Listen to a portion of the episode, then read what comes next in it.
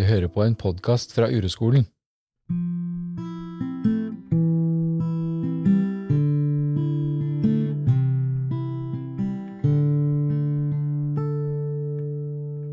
Du hører på podkasten Øyvind og Øystein.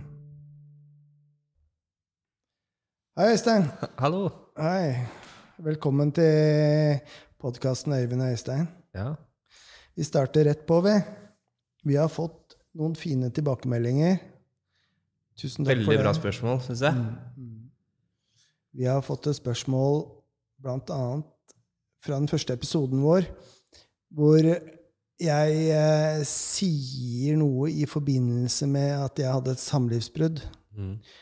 Så sier jeg at eh, jeg, jeg deler det at jeg ikke hadde eh, noe valg i forbindelse med at jeg dissa moren til barna mine overfor mine barn for å sette meg selv i et bedre lys.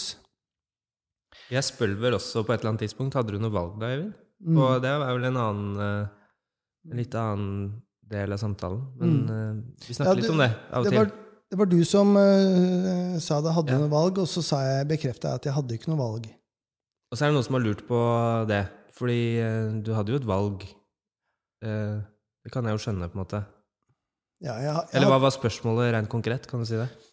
Eh, det, var, eh, det er flere som har spurt om det. Hva Alle har jo et valg.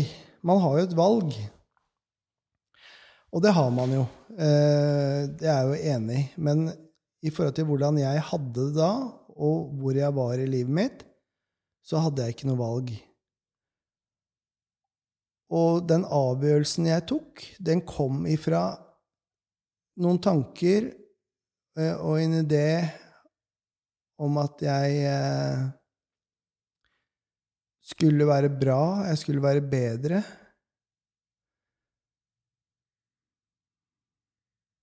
Det var et Mm. slags reaktivt mønster som kom opp i meg. Det er litt det som er poenget, tror jeg. Når man er der, på et sted hvor man har bare lyst til å løse ting Man er på et reaktivt sted, da. Mm. Oppi tankene. Mm. Mm. Eh, og, Hvis du ser går tilbake på det, når du er i et sånn kaos føl, Altså Det er det Ja. Jeg tenker det motsatte. Altså, det vi prater om, å romme uroen og gå mot uroen, og være sammen med uroen, det ville jo i dette tilfellet vært når jeg er i den situasjonen med barna mine, Mm. Og kjenne på savnet etter eh, eksen min, og tomheten og alt det som kommer opp i meg. Ehm, det er også gjenkjenne den følelsen jeg har i kroppen. Kjenne at det gjør vondt i magen. Kjenne at jeg puster lite og kort. Og, og, og så gjenkjenne det og si ja, sånn har jeg det nå. Mm. Istedenfor så hoppa jeg helt automatisk over den, det dypdykket. Det var kanskje ikke automatisk heller, for jeg hadde ikke så god innsikt da. Så hoppa jeg over det og gikk i, var bare i tankene. Og ordene som kom ut fra meg, det kom fra tankespinnet. Mm. Så det var jævlig kaotisk, høres det ut som, da, for meg, sånn når du forteller om det. Og du bare reagerte, på en måte. Mm. Det høres ikke ut som du hadde noe særlig valg da du var oppi det der. Jeg tenkte ikke at det var et valg. Nei. Eh, Men angra du etterpå? Jeg har følt veldig skam på det. Ikke sant? At, Så man gjør jo gjorde ting Det er litt det vi mener, da. At når man er på et sånn reaktivt sted, så gjør man ting som man angrer på etterpå. Mm. Det tror jeg alle kan kjenne seg igjen i. Mm. Man holder på liksom og sier ting man ikke burde sagt, er, Jeg tror det er litt det vi mener med at man ikke har noe valg. Ja. Man bare havner inn i ting, liksom. Og så har jeg fått et annet spørsmål om eh, hva er uro? Og det er litt sånn sammenfallende med dette, det første lytterspørsmålet. Mm. Fordi for meg da eh, så var jo uro Jeg hadde ikke kontakt med den uroen som satt i kroppen min. Jeg hadde bare Mm. kontakt med tankene. Og jeg klarte ikke å se sammenhengen mellom de to. Hvordan uroen, den kroppslige fornemmelsen i magen og brystet, ble påvirka av tankene mine. Den, den, var der jo helt klart, den, den, fysiske fornemmelsen. Men tankene sto i fokus, og det var der jeg var, og det var det jeg så. Eh, og det tenker jeg er eh, beskrivende for uro. Ja, jeg tror det.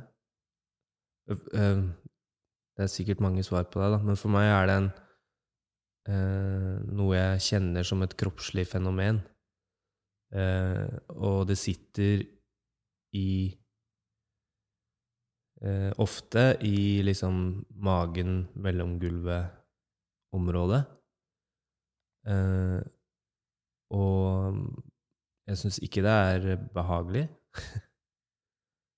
Så hvis man eh, stiller seg det spørsmålet, da, når man har vært i en sånn greie hvor, eh, I en sånn eh, situasjon som vi nå snakka om, hvor man har vært reaktiv og gjort ting man kanskje angra på, og hvor du etterpå føler at det bare kom noe, liksom. Jeg hadde ikke noe valg. Mm. Uh, og spør da det spørsmålet var det behagelig eller ubehagelig å være deg da? Kan du svare på det ut fra den settingen der? Husker du det, eller tror du du veit det? på en måte? Var no, det var nok fryktelig ubehagelig, og jeg ville bort. Jeg ville bort ifra alt det tankekaoset, og jeg ville ha trøst. Jeg hadde behov for å være bedre enn ekskona mi. Mm. Og, og, det, det er jo et mønster, ikke sant, som uh, som jeg, som jeg tror er veld, veldig vanlig, og som vi har lært oss til opp gjennom livet for å overleve. Da, for å mm. tilpasse oss samfunnet og være en del av flokken. Mm. Men bare tenk på det. Eh, den følelsen til, til, barna mine, da. Vet, nå har ikke jeg prata med de så mye om dette, og jeg vet jo ikke egentlig hva de følte, men når foreldrene er i krangel under en skilsmisse, og så blir eh, barna dratt inn og blir part eh, i saken ved at eh, man prater skit om eh, den andre parten. Mm. Man, man, elsker jo foreldrene sine. Man er jo alltid glad i foreldrene sine. Mm. Og, og, når foreldrene legger sin egen eh, uro og smerte over på barna, så er jo det forferdelig smertefullt for disse barna. Mm. Og skal sjonglere mellom mor og fars følelser, da. Så Klart det. Det er jo Men syns du det hjelper å tenke på det? Nei, det er ikke noe vits i for meg å gå tilbake i historien. Uh, for min del. Uh, det er bedre å kjenne på den følelsen jeg har i, som kommer opp i meg, når jeg tenker på at jeg faktisk har gjort det samme. da. Ikke sant. Det syns jeg er litt nyttig, egentlig, fordi det, det kan man jo um, dra inn i veldig mange lignende situasjoner hvor man er veldig kritisk til hvordan jeg har gjort ting, da. Mm. Uh, og jeg gjorde en ting som jeg angrer på. Jeg hadde ikke noe valg, eller kanskje jeg hadde et valg, men jeg kan ikke huske at jeg hadde det. Men hjelper det å tenke på åssen barna hadde det, hvor vondt det var. Det, eh, hvordan kan vi se på det på en annen måte, da? Fra på en måte et nytt perspektiv, med et uroperspektiv, da. Hvordan kan vi gå inn i det her på en konstruktiv måte og på en måte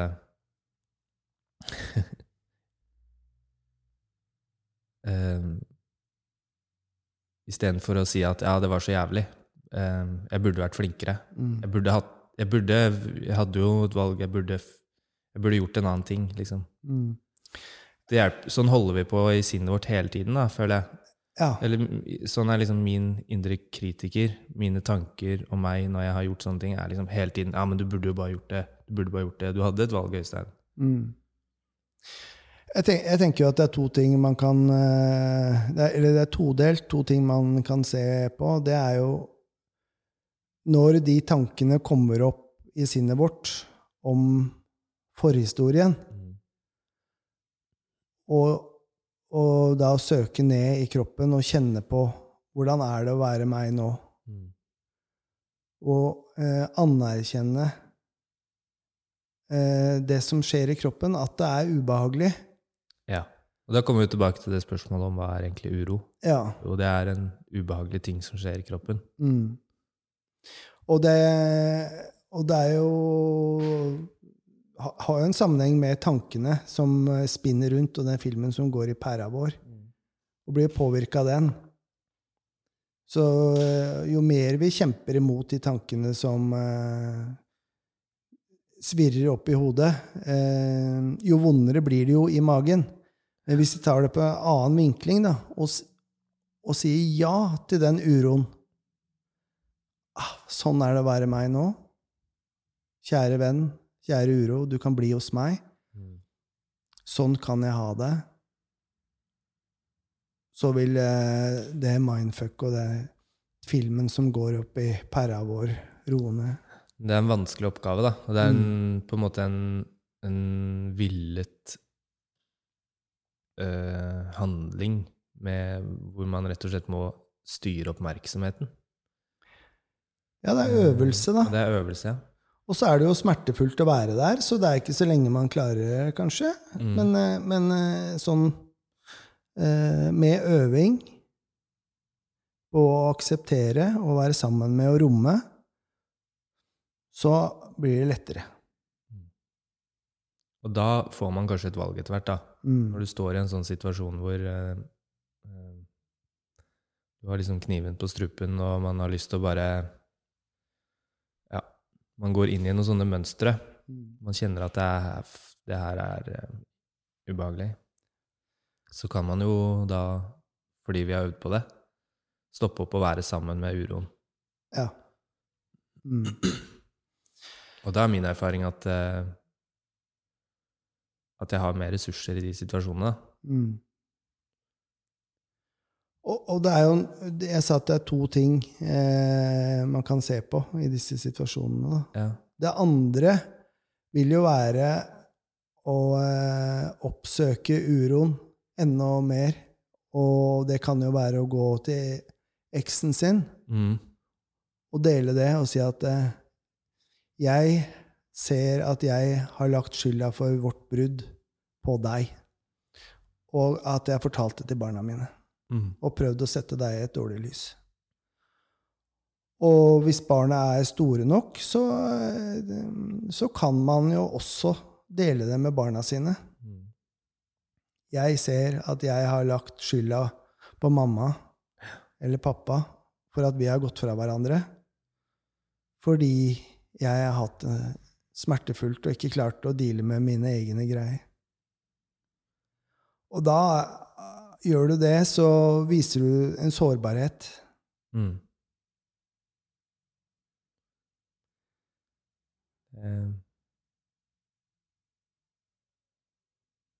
Det syns jeg er liksom noe av det tøffeste man kan gjøre. da, er å vise en sånn type sårbarhet overfor de man er glad, for, glad i. Det er eh, ikke lett, ass. Nei. Det, snakk om uro. Hadde det vært i dag, så eh, får jeg håpe at jeg hadde gjort det annerledes. Men det er bare en idé Ja. om virkeligheten. Bare en trøst. um. Men jeg håper Vi skal jo snakke veldig mye mer om det her da, framover. Om det og hvordan, hva som skjer når vi er eh, det vi kaller for reaktive. Om å føle at man kanskje ikke hadde noe valg, eller Og alle trenger ikke å være enig i det vi sier, men jeg syns det er et nytt perspektiv, da, som Eller kanskje ikke et nytt, men det er et spennende perspektiv. Det er det vi har lyst til å snakke om. ja. Og uroen, hva egentlig det er, det kommer vi i hvert fall til å snakke mye om. Mm. Og så hadde du lyst, litt lyst til å snakke om eh, temaet alkohol i dag. ja. Det òg. Det òg. Er det noe annet du har lyst til å snakke om først?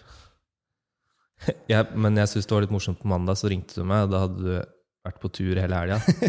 og jeg hørte på stemmen din at Ja. ja, du, jeg, jeg, jeg ikke enig i det, men du hadde lyst til å snakke om alkohol, og jeg hørte at det var Det var ikke særlig lystbetont. Nei, det er ikke Det det. var mer lystbetont på lørdag, da vi snakka sammen. Ja, for da hadde jeg tatt eh, to glass vin. Ja. Men hva var det som skjedde på mandag når du ringte meg og, og du hadde lyst til å snakke om det temaet her? Nå kjenner jeg motstand nå. Ja. Så det er fint å kjenne motstand og ikke ville prate om det. Da er det bare å åpne korken og Ja. være sammen med det som skjer i meg nå. Det som skjer i meg nå, helt eh, spesifikt, er at jeg, jeg får tanker om hva det, de der ute, dere lyttere, eh, familien min, venner og kollegaer, vil si. Og hvis jeg søker ned i kroppen min, så kjenner jeg Jeg kjenner det godt i magen. Kjenner jeg veldig godt i magen. Hvordan da? Hva, hva, er, hva er det du kjenner i magen, liksom? Kan du Ah. si noe mer om det? Nå klapper jeg meg på magen, og det er en klump inni der. Mm. Ubehag. Ubehagelig klump. Mm. Som jeg nå velger å gå mot, da, og være sammen med. Og det gjør at jeg kan dele. Dette med dere uten å komme med så mange unnskyldninger Mm. og excuses for eh, mitt forhold til alkohol. Mm. Så har jeg behov for å legge det litt over på deg òg, da. Ja. På forrige eh, podkast så var det du som hadde vært ute. ja. Og jeg tror det som skjedde med meg på mandag når vi prata sammen, var at eh, Eller som liksom bygde seg opp i meg, er hvordan vi holder på, da. Eh, at vi er jo helt like. Jeg har masse skam overfor det greiene der. Mm. Det stadig vekk liksom havner oppå, og så skammer jeg meg etterpå. Så skammer jeg meg for at jeg skammer meg, og så Mm. Ja. Hvordan For det jeg tenkte på da når jeg er på tur, helgetur med kjæresten min, så drikker jeg alkohol. Ja. Hvordan er det for meg å være sammen med kjæresten min og være på ferie uten å drikke alkohol? ja. Er det, kan jeg spørre meg selv, er det godt eller vondt? Det er egentlig ganske ubehagelig å bare sitte stille uten å drikke alkohol. Må ha noe å drive med. Jeg kan godt jobbe eller scrolle på telefonen, men jeg, og har jeg ikke tilgang til det, så er det godt å drikke litt, da. Mm. Og det har jo ikke noe med kjæresten min å gjøre, for hun er jeg jo glad i. Mm. Det har jo noe med meg å gjøre, hvordan det er å være meg og bare sitte stille og ikke ha noen ting å gjøre, og hva som kommer opp i meg da.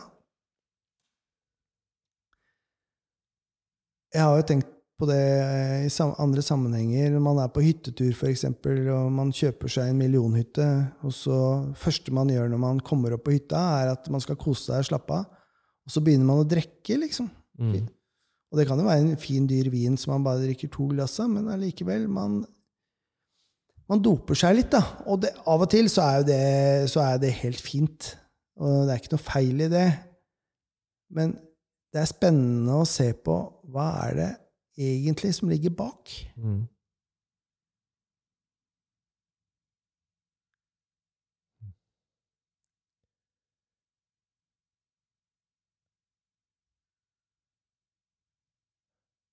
Jeg er jo veldig glad i å drikke, jeg.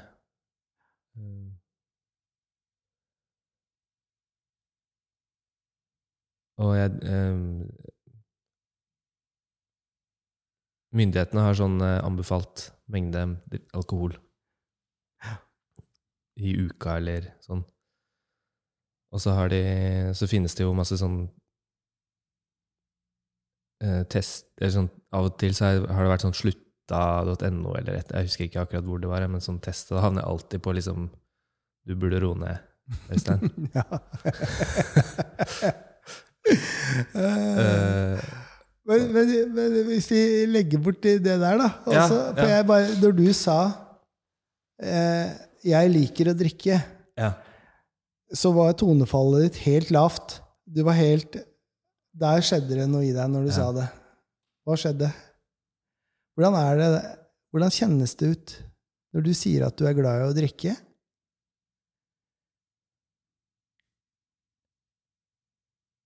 Nei, det kjennes ikke behagelig ut. Nei. Hvordan kjennes det ut for deg å være ute og ikke drikke?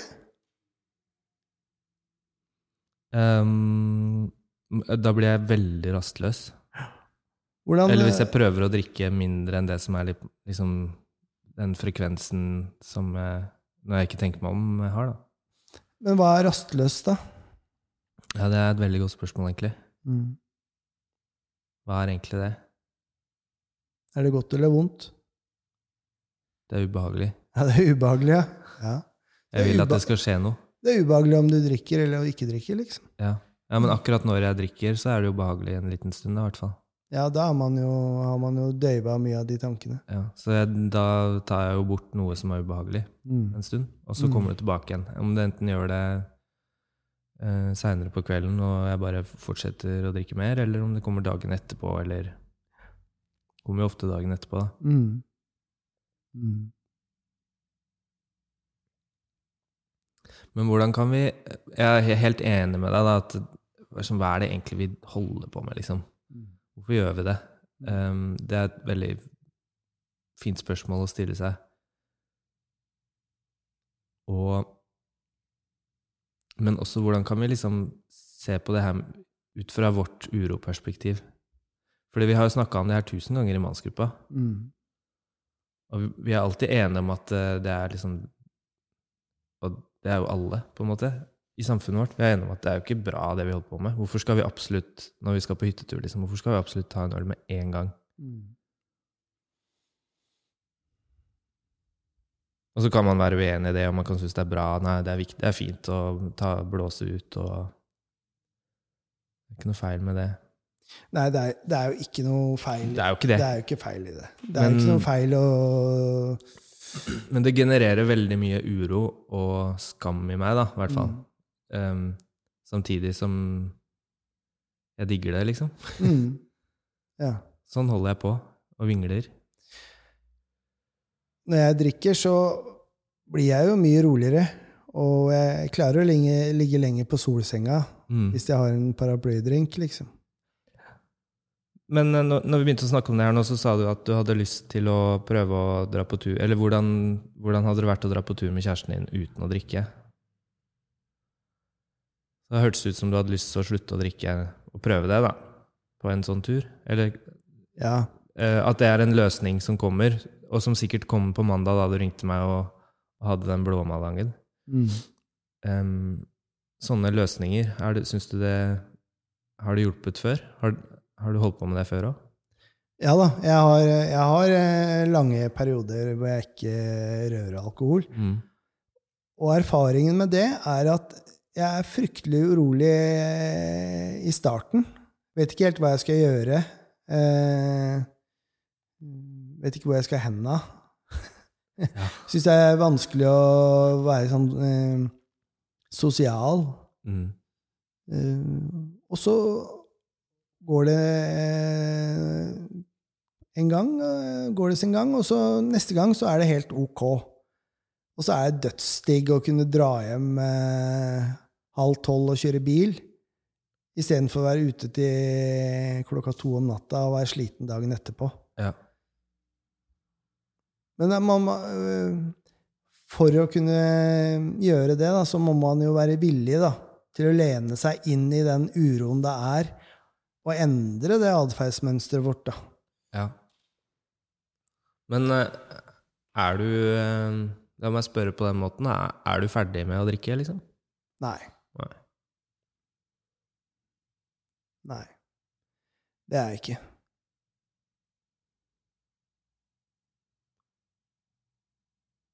Nei, ikke jeg heller, tror jeg. Nei. Men uh, på et eller annet tidspunkt så blir jeg kanskje det, eller så fortsetter jeg sånn at jeg dauer. Jeg vet ikke, jeg. Men åpenbart så holder vi på, da. Mm. Og det skaper ganske mye uh, agg i oss. Det er veldig mye skam knytta i meg rundt det med, med alkohol og Mm. rus, da. Jeg jeg har liksom alltid Alltid vært redd for å bli full. Jeg syns det har vært ubehagelig, og jeg har aldri røyka hasj. Um, for jeg har vært så redd Mm. for det. Men alkoholen har jeg, har jeg takla, fint, da. Mm. det høres nesten ut som vi prater litt at eh, Sier at det er skamfullt å drikke. Eh, for meg innebærer det mye skam. Ja. Og det er ikke sikkert, eller det behøver ikke å være det for alle andre. Det er helt fint og helt ålreit å ta seg en flaske rødvin når man er på hytta. Det er ikke noe feil. Men det er vel litt det som er utgangspunktet her, at det genererer veldig mye skam i oss sjøl. Mm, Det gjør det i hvert fall hos meg, da. mm, Men likevel så holder jeg på med det, liksom. mm. Um, og noen ganger liker jeg det til og med, og noen ganger hater jeg meg for det. Ja. Men uh, hvordan kan man Hvordan kan vi med liksom vårt perspektiv angripe det her, da? Fordi vi, vi er jo ikke klare for å slutte med det. Eller vi vil, vil jo ikke det, åpenbart. Eller? Ja, Det går jo an å leke litt med det, da. Mm, Leke litt med den uroen som kommer når du kommer inn i et selskap nettopp. og sier nei takk Ja. til uh, velkomstdrinken og sier Mm. nei, du, jeg kjører. Eller jeg sykler hjem, men eh, jeg velger alkoholfritt. Mm, For det er jo så allment akseptert, da. Og uh, såpass akseptert at det faktisk er forventa. Så hvis du ikke drikker når du skal på fest, så må du forsvare deg. Og det er slitsomt. Hva er det som er slitsomt? Ah, det er vondt å bli utfordra på en sånn På det man prøver på, eller det, det man vil oppnå. Og så er det slitsomt fordi det er fra du, Jeg er urolig Mm, når jeg kommer og sier nei takk til velkomstdrinken, og så er det noen som poker meg inn i det vonde ved å utfordre meg på det. Så da får jeg enda mer mulighet til å se på den uroen, da. ja. Og det må jo være på en måte vår måte å se på det på, da. Hva er det som skjer med oss når vi prøver å roe ned det mønsteret vi har, som er å drikke mye, eller eh, Mm. vi, ikke drikke mye, eller Mm. Eh, og det må jo på en måte være det nye vi kan komme med. Fordi altså, det fins jo tusenvis av måter å slutte på. Alle slutter med å drikke hele tiden. Alle har jo hvit måne, eller veldig mange har det. Men hva er det som skjer med oss når vi gjør det, og er i en sammenheng hvor andre drikker?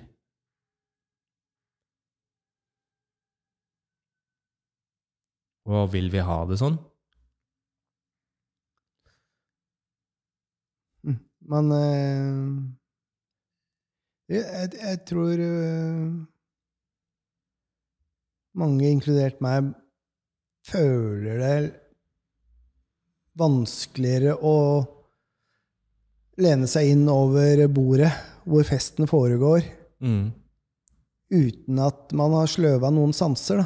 Ja. Og når man er der som en sårbar person og lener seg inn og hever stemmen, så er det, det, så er det et ubehag der som du må si ja til.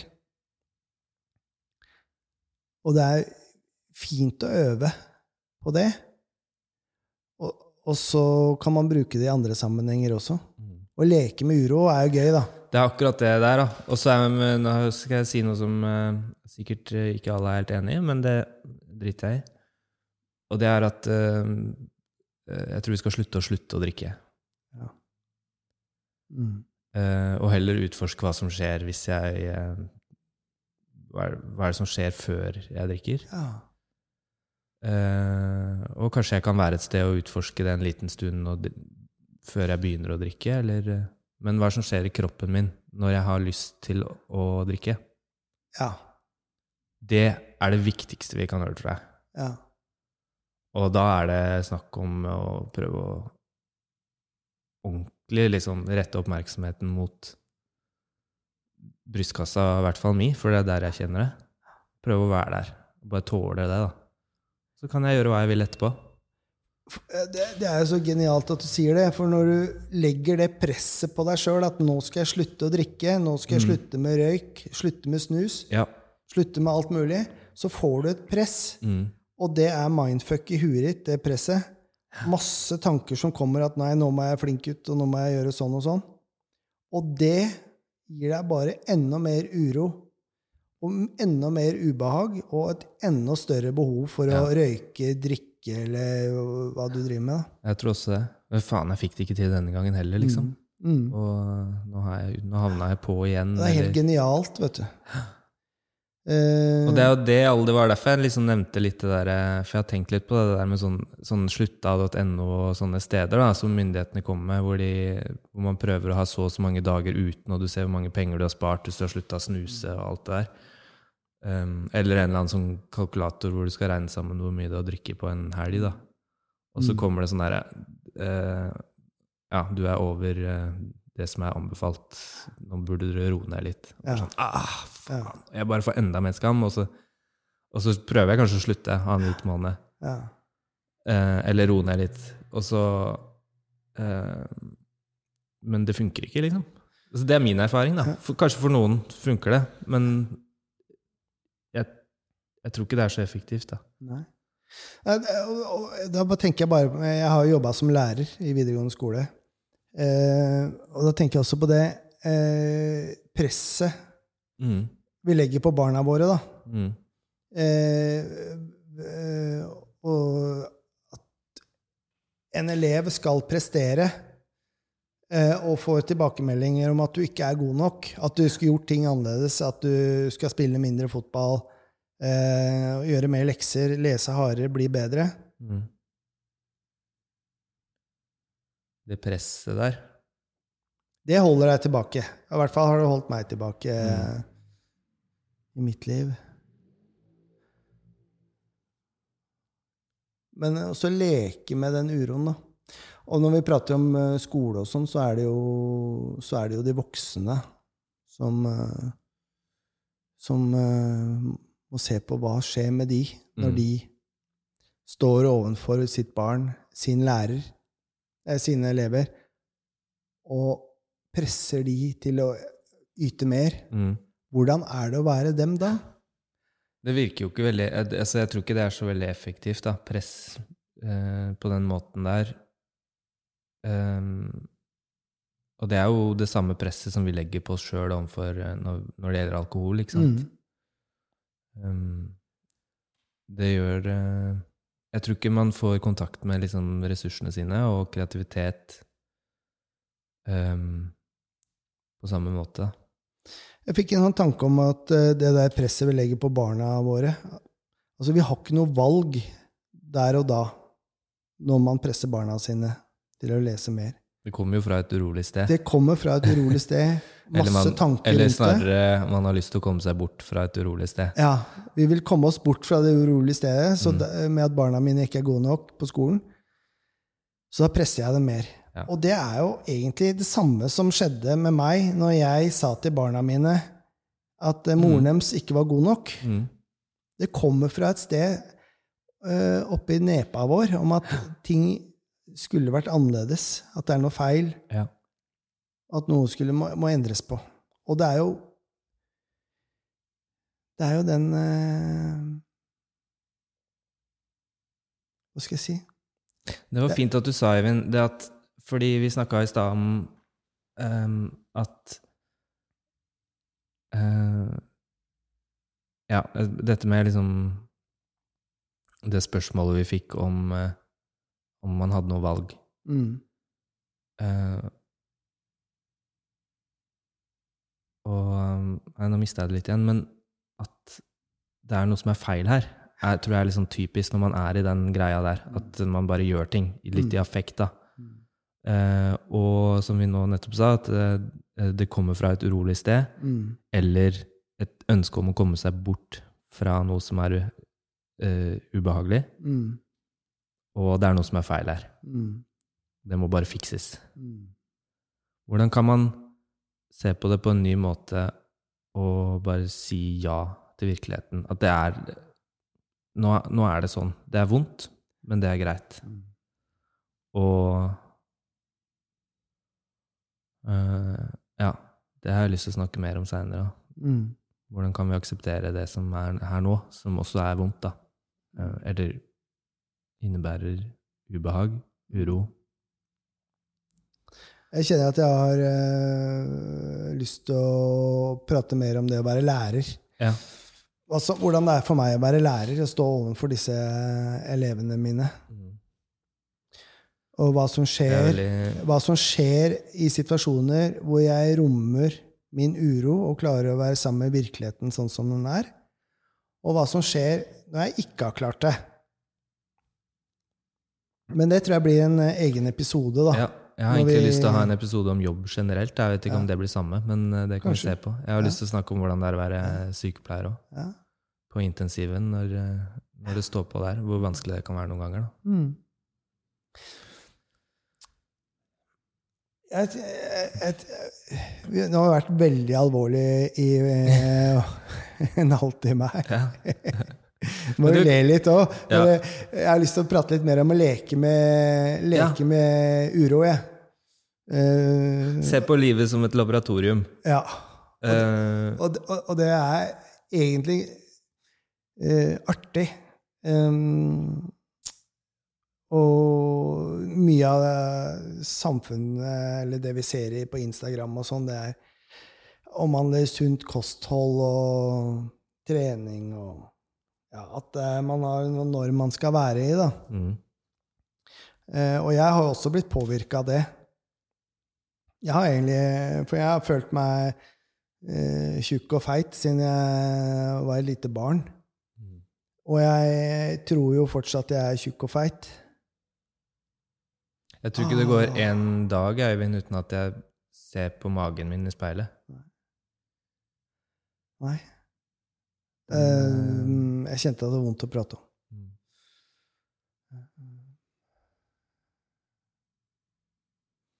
Hvordan det er å gå på bassengkanten og holde inn magen. Liksom. Mm. Nå er jeg 51 og driver med det fortsatt. Du har ikke slutta ennå? Eh, nei. Og jeg har sett bilder av meg fra ungdomsåra, eh, 20-åra, når jeg trente mye, og jeg var jo tynn og veltrent, og allikevel så var magen for stor. Bare så utrolig smertefullt. Ja. Mm. Og hvordan jeg har skjult det når jeg har kjøpt klær og kjøper XL. Um, for liksom at det ikke skal være tettsittende over magen, for da ser man jo hvor tjukk jeg er. Um, hvor vondt det der er. Men uh, ja, vi skulle prate om noe fint og noe moro. Jo, ja, ja, men Mm. bare en litt sånn eh, det var, fint at du kom inn på det, fordi jeg, fikk en sånn tanke over sånn Hvorfor skal vi alltid være så seriøse og snakke om det som er sårbart og vondt og sånn? Mm. Ehm, men jeg har jo prøvd Eh, Ja, og så kan man si liksom um, hvorfor, kan man, hvorfor kan du ikke bare begynne å trene, da? Mm. Eh, og slutte å drikke? Mm. Og, og, liksom bli, og det er jo jævlig mange som driver med det om dagen, og jeg får til det, liksom. Kan ikke du bare gjøre det? Ja. Det sier jo er sånn Tror jeg i hvert fall eh, mine Mitt sinn sier liksom til meg, da. Mm. Eh, og så har vi en litt annen måte å snakke om ting på. Og det er den, for meg, da, så er den lekinga med mat har egentlig vært gøy. Mm. Og veldig lærerik. Eh, for nå jeg, jeg begynte å bikke en grense, så jeg mm, måtte kjøpe meg nye klær, og jeg var tung i kroppen og Ja. hadde lagt med meg ganske mye. Og jeg skjønte at hvis jeg fortsetter sånn, så er det direkte skadelig for meg. Eh, og så gikk jeg eh, Begynte jeg så å leke med den uroen og, og kjenne etter hva er det som skjer med meg? Hvordan er det å være meg når jeg nærmer meg eh, kjøkkenbenken eller kjøleskapet? Og liksom når hånda går utover kjøkkenbenken Nå viser jeg her. Når hånda liksom strekker seg mot brødboksen liksom, for å ta fram brød og ah. Eller når kakefatet står framme. Ja. Ta en kake til. Har jeg lyst på det, eller er det noe annet? Og, og det var et morsomt eksperiment, da, fordi da klarte jeg å leke med det og liksom kjente at jeg var veldig urolig. At rett og slett matlysta ble styrt av uroen min. Mm. Og så har jeg erfart at mat, mat eller sultfølelsen og urofølelsen i kroppen er jo helt lik. Det er, Eller i hvert fall ganske sant, lik, da. Ja, det er veldig likt. Det er i hvert fall kommet fra samme sted. Mm. Så, og så da si ah, Nei, jeg er ikke sulten, jeg er bare urolig. Uh, og, og det, når vi prater om alkohol, så er det kanskje det samme, da. Mm. Når jeg jekker den pilsen, liksom. Ah. Ja, for det er, det er, liksom noe som man heller nedpå der, ja. og som på en måte etter hvert døyver det. da. Det er veldig sånn sterk det, greie, det der, tror jeg. Kanskje det er en slags strategi, det en, blir en strategi da, for å unngå å kjenne på ubehaget. Mm. At man ja. jekker en pils, eller at man går og tar en uh, brødskive. Og noen ganger så har jeg jo spist tre brødskiver med, med meierismør og Nugatti. Mm. Og jo mer sånne ting, jo bedre, liksom, på en måte. Ikke reflektert over eh, hva jeg har spist, eller hvor mm. mye jeg har spist, for jeg er helt er et annet sted. Jeg er ikke oppmerksom på det jeg gjør, ja. fordi jeg er urolig. Så det er jo på en måte vår påstand, da, eller eh, kanskje vårt utgangspunkt, at når når jeg sier til meg sjøl hvorfor kan du ikke bare bli flinkere, Øystein, og trene mer og spise mindre, drikke mindre, så klarer vi ikke det. Fordi vi havner inn i sånne mønstre hvor vi bare spiser fordi er, man er så jævlig urolig, liksom. Mm. Og så er jo da alternativet til å bli så jævla flink og slutte med det og bare kjøre en sånn hard pakke, da, mm. så er det det vi i uroskolen kaller for ettsekundsmetoden, mm. som du nå nettopp beskrev veldig fint. da. Hva er det som skjer i kroppen min nå før jeg tar den brødskiva, eller den, det kakestykket, eller den pilsen, mm. eller den røyken? Og da spørre seg selv eh, Kan jeg ha det akkurat sånn som jeg har det nå? Når du står der? Mm. Så eh, og noen ganger så kan man det, og noen ganger så kan man ikke det. Men jeg, det er, og så skjer det som skjer. Og så er det ikke så farlig. Jeg har ikke noe Drikker jeg det jeg drikker. Det er fin treningsarena, da. Eh, hvis man har noen greier med, med Hvis man kjenner på noe rundt det med mat. Men også, ja. man kan jo også Jeg har vært med på høydeskrekklaboratorium. Ja. Eh, jeg var, på, var, med på den første vandringa med, med Uroskolen. Ja. Og da gikk vi en lang tur. Eh, og så skulle vi opp en kjempebratt kneik. Vi bytta på å lede og gå foran, og de som gikk foran, de bestemte ruta. Og da havna vi opp eh, en skikkelig bratt skråning. Opp på en, et ja, fjell eller knaus eller noe sånt. Mm. Eh, og det var noen av de andre deltakerne som liksom stoppa opp og kjente på uroen, lot det være med det, gikk rolig opp. Eh, jeg, ble, jeg, ble, jeg var så redd. Oh, jeg er jo håndverker og rådgiver og går på høye stillaser. Men eh, når vi gikk der, så jeg blei så redd. Så en av jentene måtte leie meg. Oi. For jeg var så redd. Altså, du kan tenke deg du går opp en så bratt skråning med mose og stein og trær som eh, eh, små busker oppover fjellsida. Liksom. Og det, du bør jo ikke dette, for da slår du deg forderva. Og tankene mine, de, de, var jo helt i lås. De, de, jeg var jo døden nær oppi, oppi tankene mine. Ja. Og så istedenfor å stoppe og kjenne på uroen, da, så bare spurta jeg opp. da, Bare gutsa på og bare eh, Hva er det han sier, han der eh, andre, han der podkastmannen som eh, Jeg husker ikke. Men han bare gønner på. Gønner på, og så kommer jeg opp på toppen. Bertrand Ja, ja, ja, han det. Han er sånne løsninger som ja, Du må på. bare gønne på og kjøre på, så blir det bra. Men det som skjedde når jeg gønna på opp der, det var jo at når jeg var på toppen, så hadde jeg klart det, og jeg var Mm. safe. Men jeg hadde ikke hatt Jeg lærte ingenting av det. Jeg lærte ingenting, og jeg kjente på skam fordi jeg ikke brukte tida til å øve, da. Til å Nei, ja. Så øh, skulle vi tilbake igjen, og da øh, Så gikk vi videre, og så skulle vi ned en sånn skrent, og der var det en sånn I mine øyne en ti centimeter stor, øh, stor øh, stein med masse mose på og stup rett ned i ti meter, som vi skulle tråkke på for å komme inn på en trygg sti. Og da gjorde jeg det samme, for jeg var så sliten. Jeg bare lukka øya og bare fulgte etter saueflokken. Eh, Så viste det seg dagen etter at vi skulle opp samme stien og tråkke på den lille mosekledde steinen og, og, og, og eh, gå samme ruta tilbake. Så eh, rakk jeg opp hånda, og så sa jeg at eh, jeg vil gjerne stoppe der, for jeg, jeg gruer meg skikkelig til det. Så gikk vi den eh, stien opp, og så ble hele følget stående igjen i bunnen av bakken, og så var det meg og to vandrere og en urolærer som sto der på kanten av det stupet, da, på den lille mosegrodde steinen.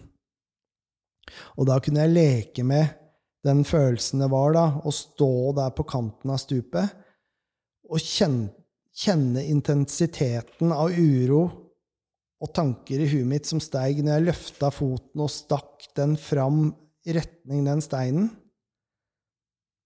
Og eh, tårene spruta, og jeg var helt fortvila.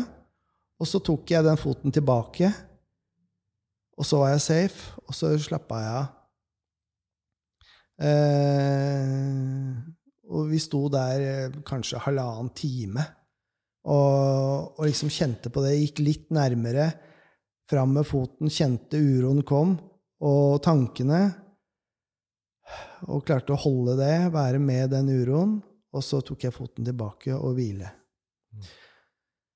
Og der lekte vi med det, da. Med masse tårer og Herregud, jeg har jo ikke grinet så mye siden forrige uke, eller noe sånt. Nei, jeg har ikke Ja, det, det var en heftig opplevelse, altså. Og det å kunne kjenne Det er modig da, Eivind. Ja, det var modig, og det var veldig være- fint. For det var veldig kjærlig òg, for jeg kunne faktisk være sårbar da, oppe i fjellveggen der. Ja, men det er nettopp det. Eh, så etter halvannen time så gikk vi ned, og så gikk vi en annen vei opp, da. Det var helt greit. du kunne jo greit. sagt eh, liksom Nei, faen, det gidder jeg ikke, ass. Vi går en annen Ja. Og så gjort en litt sånn tøff greie av det. bare sånn Ja, Og prøvd å komme seg unna det, da. Ja, ja. Eller løpe opp der så fort som mulig, som du gjorde Ja. første gangen. Eller. ja. Men det å tørre å vise seg så sårbar og bare la, la det komme, det som kommer, Ja. liksom, og kjenne på kroppen og Det er jo Ja, det syns jeg er jævlig modig, ass. Så merka jeg at blikket falt ned. da. Jeg begynte å se ned, ikke i bunnen av dalen, men liksom ned på skoene mine og se på trygge plasser. Og så øh, sa urolæreren til meg at øh, løft blikket og, og se. Mm. Og det var jo det samme, ikke sant? Løfte blikket og se. Så kom uh, uroen og tankene tilbake.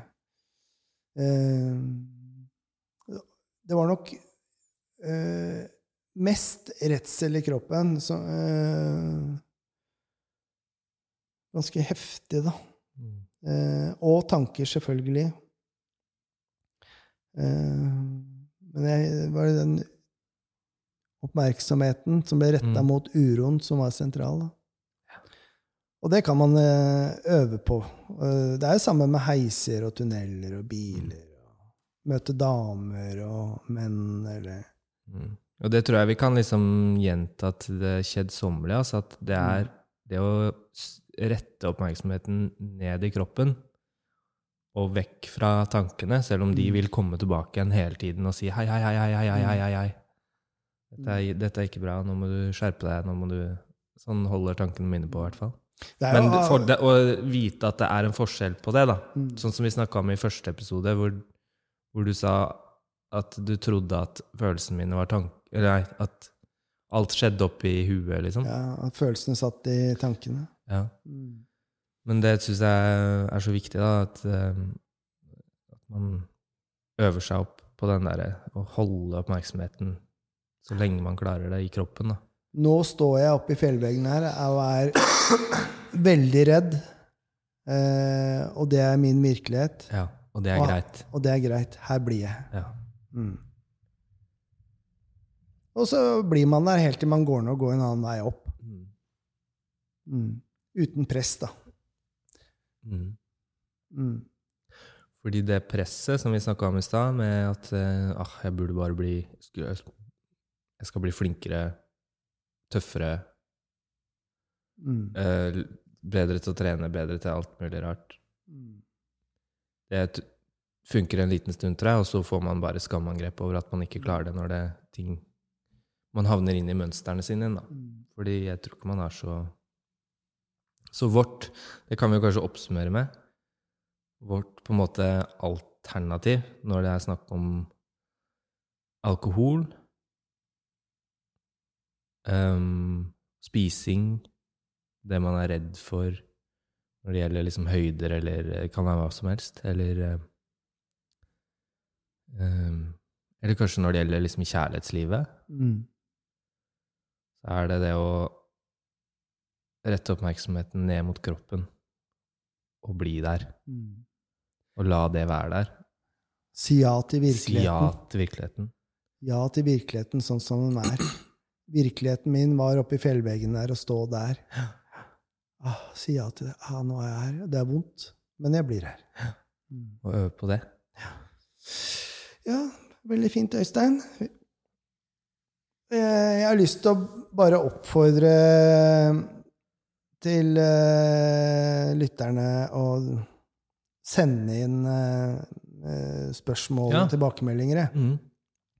Og vi er jo ikke verdens råeste influensere, men eh, vi har en Instagram Ja. som heter Menn om uro. Og det var det, det, Da kan man jo sende DM og sånn, i hvert fall. Også. Ja. send, Der kan du sende en melding. Hadde vi vært skikkelig influensere, så hadde vi ikke kalt oss Øyvind og Øystein, fordi eh, Øyvind og Øystein eh, Det går ikke an å skrive Ø på Instagram, skjønte jeg. Nei. Men der har vi ett bilde og noen få følgere. Men Ellers der, kan dere sende e-post eh, også? ja, Oivind.uroskolen.no eller Oistein at uroskolen.no. Ja. Så med det så er det vel eh, takk for nå, da. Mm. Og god helg når det kommer. Og Ja. Alt det mm, der. møt uroen med Ja. Utforske livet Ja. og uroen som Mm. et laboratorium. mm, Det er fint. Vi snakkes. Ha det bra.